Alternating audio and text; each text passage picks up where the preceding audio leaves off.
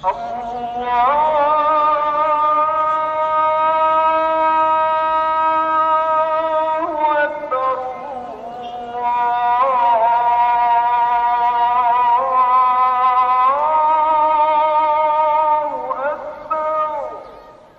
الله الرحمن الرحيم الحمد لله رب العالمين والصلاة والسلام على أشرف المرسلين نبينا محمد وعلى آله وأصحابه أجمعين Gerespekteerde luisteraars, assalamu alaykum wa rahmatullahi wa barakatuh.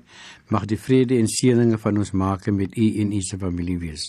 Baie welkom tot hierdie program van Meester Abdurrahman Petersen.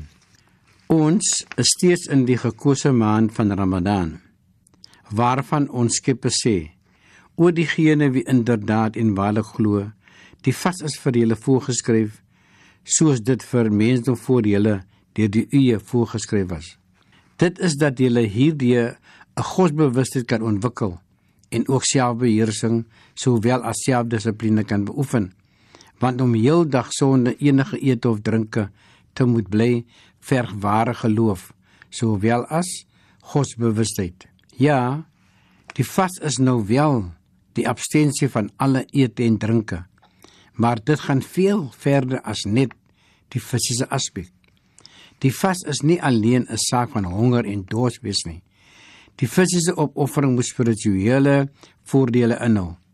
Ons moet nader aan ons maak beweeg en ook nader aan diegene wie deur armoede, honger ly en sukkel om 'n bestaan te kan voer.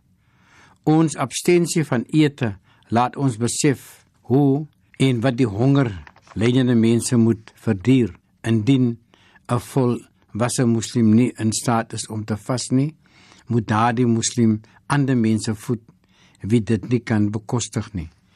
So dit is baie baie belangrik dat ons weet wanneer ons ouderdom ons naderkom en ons voel ons kan nie meer daardie fisiese aspek voltooi nie, kan ons nog steeds die geestelike aspek voltooi. Dit is om ander mense te voed en hoe belangrik is dit? Dis die fisiese aspek van mense onderdanigheid aan die geestelike aspek. Ons raak meer godsbewus. Ons leer om selfbeheersing te beoefen en van ons Maker se liefde en ons vertroue in hom.